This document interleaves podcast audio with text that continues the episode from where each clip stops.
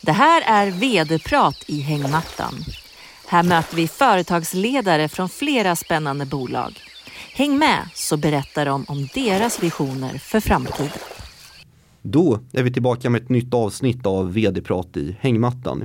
Vi har ju tidigare i den här podden berört alla möjliga olika typer av geografier och även grannländer som Norge och Danmark.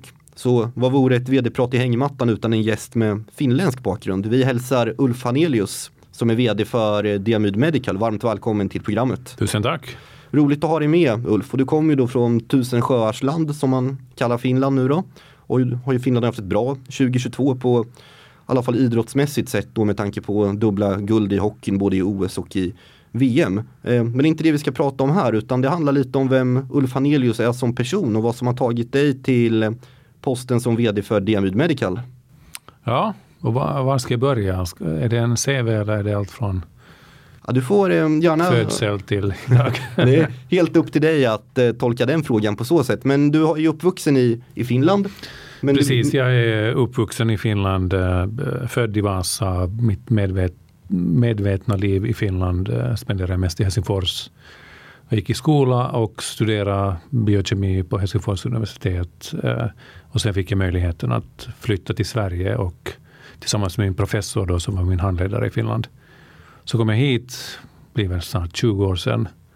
Eh, och det ledde till att jag började disputera på Karolinska institutet och därefter också en postdoc på Karolinska institutet. Och då var det mera inom genetik, cancer, genetik, prostat och bröstcancer. Eh, och parallellt med det gjorde jag också en, en, en eh, MBA på Handelshögskolan här på Stockholm, i Stockholm. Och för att lite differentiera min vetenskapliga bakgrund även mot ska vi säga, mera affärsinriktning. För jag hade det intresset. Eh, och sen startade jag eget eh, och eh, drev jag i några år mest inom den här branschen, då läkemedelsindustri, men mera konsultverksamhet. Och sen fick jag möjligheten att eh, såg en annons som Diamyd Medical hade i tidningen för en business development manager, det vill säga inom affärsutveckling. Och det kändes helt rätt med min vetenskapliga och affärsbakgrund. Så jag ansökte och jag fick jobbet. Och sen ett halvår efteråt plötsligt fick jag erbjudande att bli VD. Och det tackade jag ja till och det har varit jättespännande resa sedan dess. För en som då inte, en person som inte känner till Diamyd Medical, hur skulle du beskriva bolagets verksamhet? För det är ju inget tvivel om att det är diabetes ni håller på med, men det vore intressant och bra att få höra mer. Precis, det är då läkemedelsutveckling inom diabetes och specifikt typ 1-diabetes, det vill säga den autoimmuna formen av diabetes som ungefär 10 procent av alla diabetiker i världen. Och ska säga det mest, kanske en av de mest intressanta grejerna med Diamyd Medical är ju att bolaget grundades i tiden med visionen att bota typ 1-diabetes och det är fortsättningsvis vår, vår uppgift som bolag. Eh, det finns nästan inget, skulle jag säga, annat bolag som oss i hela världen som har det fokuset och den ambitionen som vi har. Och, och det har ju pågått i många år den här utvecklingen men nu är vi i fas 3 och ganska så nära marknad nu med någonting som skulle kunna i alla fall vara en mindre revolution för hur man behandlar typ 1-diabetes i framtiden. Det går att säga att ni bryter ny mark i och med er studie då som befinner sig i fas 3? Absolut, det, det är den första så kallade precisionsmedicinska eh, fas 3-studien någonsin inom typ 1. Och när jag säger precisionsmedicin då handlar det om att man, man vet vilka individer man ska behandla och vem man inte ska behandla baserat i vårt fall då på genetik. Så vi väljer ut de personer som vi vet har en hög sannolikhet att få en bra effekt av vårt läkemedel. Och vi behandlar inte dem där vi vet att de troligen inte kommer att få en effekt. Så på det sättet så är det en eh, det görs mycket inom onkologi det här redan nu och vi är först ute i typ 1-diabetes att göra det. Och vi tror starkt på att det här är det, här är det rätta sättet vidare framåt inom typ 1-diabetes som man verkligen ska lyckas. Då finns det förutsättningar för att studien ni håller på med både är pricksäker och effektiv med andra ord. Och eh, det för mig också in på när det kommer till typ 1 diabetes som sjukdom. För det är ju då utöver allt lidande för de som drabbas av den här sjukdomen, vilket är hemskt nog i sig, så är det även en väldigt kostsam sjukdom för samhället. Eller hur ser det ut med det där? Precis, det, är ju, det finns en studie, en amerikansk studie, en hälsoekonomisk studie som tror publicerades i början av 2020. Och de ut, eh, estimerar att typ 1-diabetes kostar samhället, det amerikanska samhället varje år ungefär 30 miljarder dollar. Och, om man, och globalt kommer man närmare 100 miljarder dollar varje år kostar sjukdomen. Så det visar lite på liksom den ekonomiska bördan som eh, typ 1-diabetes har för hela samhället. Eh, så det, det är jättestort. Det har ju hänt mycket här för Diamyd Medical under 2022. Det är ju otvivelaktigt, men jag skulle vilja höra dig ta ut två eller tre milstolpar som du ser som lite extra viktiga. Det som har skett senaste åren, viktigaste händelser, då skulle jag säga att det är absolut, eh, som sagt, vi har varit i, i klinisk fas, det vill säga att utvärdera vårt diabetesvaccin på, på patienter nu i ganska många år och vi var ju även i fas 3 för ungefär tio år sedan. Och då var vi i partnership med Johnson Johnson som på den tiden var den största svenska biotech som hade gjorts. Eh, men den fas 3 nådde inte hela vägen fram för att man nådde inte då statistisk signifikans på den primära effektmåttet. Det stora som har skett sedan dess är att vi genom en större analys som vi gjorde, dels på data från den studien men även två andra studier, kunde se att eh, individens genetik, genetiska profil påverkar effekten av vaccinet. Så vi har hittat de individer som vi tror att vad det faktiskt fungerar och även de individer vad det inte fungerar. Så, och det här publicerades sommaren 2020. Vi kunde verifiera de resultaten prospektivt då i en pågående studie som publicerades 2021. Sen har vi även uppdaterat det här och fått ännu mer robusta eh, data som verkligen visar på vad det funkar och hur det fungerar. Så det här är den, ska jag säga, den allra viktigaste fyndet vi har gjort vi har kunnat identifiera våra så kallade responder-individer, var det funkar och var det inte funkar. Och nu går vi endast vidare i de individer och vi tror att det funkar. Vad innebär det då för bolagets riskprofil att studien är framme i fas 3? Fas 3 rent generellt inom läkemedelsindustri brukar man säga, alltså nu som ett, ska vi säga, i snitt brukar man säga att man har kommit till fas 3 för att lyckas i fas 3 till att kunna registrera läkemedlet har man ungefär en 60 procents sannolikhet att lyckas med det. Så det är ett snitt eh, rent generellt inom industrin. Sen är det olika indikationer, olika har högre eller lägre eh, procentenheter, men det ligger runt 60 att vi även då kan välja ut på förhand vilka individer vi ska behandla och vilka vi inte ska behandla då, baserat på en genetisk markör ökar sannolikheten ytterligare. Eh, så jag skulle i alla fall säga att vi har upp mot 70-80 procent sannolikhet att gå vidare till att registrera ett läkemedel. Sen ska man ju även få ett pris för läkemedlet. Det är eh, faktiskt många läkemedel som inte, även om de blir godkända, inte får ett pris. Alltså att du inte får till exempel att samhället betalar för behandlingen och framförallt om det finns konkurrerande läkemedel på marknaden. Men i vårt fall finns det inga sådana här läkemedel på marknaden. Det uh, finns inga läkemedel som förändrar sjukdomsbilden i grunden så som vårt vaccin ska göra. Så på det sättet så har vi även där en betydligt mindre risk än många andra. Det gör ju också Diamyd, tänker jag, till en en form av lite unikt bolag med en affärsidé med väldigt stor potential med tanke på att den bryter helt ny mark. Precis, det, det, är ju det som är både spännande, alltså både värdefullt och mycket spännande. Dels att vi jobbar i en, eh, nu i ett fält var vi är i allra främsta framkanten eh, och verkligen eh, till och med undervisar ibland myndigheter om vad som är rätt och vad som är fel för att ingen annan har gjort det som vi har gjort Eh, i, världen. Och det är ju också både en utmaning samtidigt, men det är eh, otroligt spännande att kunna vara med på den resan. Och att vi som sagt som första bolag någonsin har hittat de här responders. Att kunna gå vidare med precisionsmedicinen och typ 1. Eh, det är jättestort. Och sen är ju den både den hälsomässiga nyttan, så alltså vi kan verkligen bidra. Det är ju som jag sa tidigare en en potentiellt mindre revolution för hela typ 1-diabetesfältet om vi lyckas ta det här hela vägen till marknad. Och kommersiellt är det ju en jättestor grej också. Det måste finnas en väldigt stor marknadspotential för vaccinet förutsatt att det nu passerar fas 3 och blir godkänt.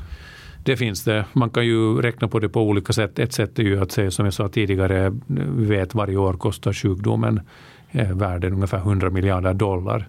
Inom diabetes överlag idag så är ungefär endast 10 procent av ska vi säga, kostnaden läkemedel. Så på typ 1 skulle man kunna säga då att ungefär 10 miljarder dollar är den potentiella marknaden för sådana här typen av läkemedel. Om vi räknar andra sidan på en möjlig kostnad på vårt vaccin och antalet individer vi kan behandla per år så kommer vi ganska enkelt över en miljard dollar, vilket brukar räknas som en blockbuster Eh, läkemedel. Sen har vi potential att gå in i friska individer som har hög risk, som vi också är på gång med, vilket kommer att öka på eh, marknadspotentialen ytterligare. Men stort är det. Finns det ändå, ja det är klart att det finns, men vilka risker skulle du säga ändå är värda att känna till och ha koll på här nu? Om man har blivit intresserad av diamyd under vårt samtal, så vad behöver man ha koll på? Riskaren generellt är ju det som man ska alltid ha koll på om man går in i biotech läkemedelsindustrin, att veta i vilken fas befinner sig, befinner sig bolaget och vad är då sannolikheten man tar sig till nästa viktiga milstolpe. Och det finns ju publicerat, som jag sa tidigare, sådana snittprocent på vad är sannolikheten att lyckas beroende på vad, hur långt du har kommit. Så i fas 3 har man minst ungefär runt 60 procent sannolikhet att lyckas. Och jag skulle vilja påstå att vi har högre, givet att vi har hittat då våra responder-patienter. Eh, sen bör man ha ju eh, orsaker att misslyckas i fas 3. Det finns tre huvudorsaker. Det är att inte lyckas visa effekt, att eh, inte lyckas visa tillräckligt god säkerhet och det tredje då att man inte kan, trots att man har effekt och säkerhet, inte har en, en kommersiell potential, att det inte finns ett behov på marknaden. Och jag skulle säga att alla de här, det finns ett absolut ett stort behov för oss, för våra typer av läkemedel säkerhet. Vi har aldrig sett några allvarliga bieffekter med vårt eh, läkemedel. Vi har, behandlat, vi har varit i studier med mera upp mot 1500 individer idag. Eh, och effektmässigt har vi publicerat nyligen då flera publikationer som verkar visa på den signifikant effekt som vi verkar ha med vårt diabetesvaccin. Så vi, vi har bra koll på de största riskerna i vår fas 3. Och då bör man ju mera som eh, aktieintresserad se på det andra omvärldsmakroekonomiskt. Alla biotechbolag, alla bolag i världen idag måste kunna finansiera sin verksamhet på bästa möjliga sätt. Så det är klart man ska ha koll på det. Som publikt bolag så har vi ett extra verktyg i, eh, i, i lådan som många andra bolag som är eh, privata inte har. Det vill säga att vi kommer att kunna finansiera vår verksamhet och det är jätteviktigt. Men vi ska ju se till att vi gör det på ett smart sätt så att vi bygger aktieägarevärde och inte förstör det. Eh, men det är ju då mer den operationella delen, att ha koll på liksom det, att hur går det operationella arbetet. Eh, sen har vi ju andra assets i bolaget också, ett annat läkemedel i klinisk fas. Vi har investeringar i mycket intressanta bolag också, som sprider risken för en, en aktieintresserad i Diamyd. Om man då också kikar lite grann på, på kulturen inom bolaget, för som du berättade här tidigare så Diamyd tror jag är ett namn som framförallt då våra, våra lite äldre lyssnare känner igen med tanke på att man tidigare var framme där i en, i en form av fas 3-studie för ungefär tio år sedan. Nu har du varit vd här i bolaget under ett antal år. Hur skulle du beskriva kulturen och det, det tänk som finns? Eh, jag skulle säga att det, kulturen drivs mycket av just den visionen, alltså att kunna såklart eh, alla jobbar, vi vet att om vi lyckas med någonting så kommer vi att ha en stor alltså, påverkar många människors liv på ett mycket positivt sätt. Så det driver verksamheten mycket för oss, men också många andra biotechbolag. jag tror att det är extra starkt för oss, den här att syftet är att på lång sikt kunna bota sjukdomen. Så vi är inte inne i typ 1-diabetes endast på grund av kommersiella intressen, utan det finns en, en, ett syfte bakom bolaget som går utöver det kommersiella. Det ger också en långsiktighet för bolaget jämfört med många andra bolag som ser att de, om de stöter på vissa utmaningar, vilket Diamyd Medical har haft under historien, så väljer man att kanske eh, eh, vända på skutan lite och kanske gå in i någon annan indikation och lägga ner det, de projekten man hade tidigare. Men, men eh, för oss så har vi ett tydligt fokus, ett tydligt syfte och vi har kommit längst i hela världen. Så det är mycket det som driver bolaget. Och eh, vi har också en mycket hittills haft en mycket låg omsättning av eh, våra anställda. Tvärtom, vi växer ju nu ganska kraftigt. Upp mot 20 individer nu anställda. När jag började tror jag vi var fem stycken. Eh, så det visar också på någonting att vi har en mycket bra kultur och sammanhållning i bolaget. Låt säga nu att vi, vi möts här igen om, om fem år, 2027 den den 4 juli då. Det är ju 4 juli 2022 som vi spelar in dagens avsnitt här. Vad kommer du då kunna berätta om Diamyd Medical som du inte kan berätta om idag? Då har vi förhoppningsvis ett godkänt läkemedel på marknaden. Det vill säga då har vår fas 3-studie kommit med resultat. Eh, och den studien har kommit med mycket positiva resultat som då slutligen bevisar effekten och säkerheten för att kunna ta det till marknad. Och att vi då har ett marknadsgodkännande och eh, förhoppningsvis redan i kommersiell fas då kan börja sälja. Så att vi är ett kommersiellt eh, läkemedelsbolag vid den och troligen en hel massa annat på gång. Vi bygger ju upp tillverkning nu också, så vi kommer att ha en tillverkningsanläggning på plats eh, som har möjligheter att tillverka annat, andra vacciner till exempel. Eh, och vi har ju intressanta investeringar också som kan leda till vad som helst. Så jag skulle, förhoppningen är ju att vi har både godkända läkemedel på marknaden och mycket intressanta andra projekt i pipeline och, eh, och stora partners som vi jobbar med globalt. Nu tar vi och vrider tillbaka klockan lite här till nutiden, sommar, sommaren 2022. Och då blir jag ju lite nyfiken vad du har för, för planer här under sommaren för att kanske ändå någonstans hitta, hitta balansen i, i tillvaron, få lite lugn, få lite ro. Vad, vad väntar dig i sommar Ulf? Blir det turer till Helsingfors eller Vasa eller kommer du hålla dig här i, här i Sverige? Vad är på gång?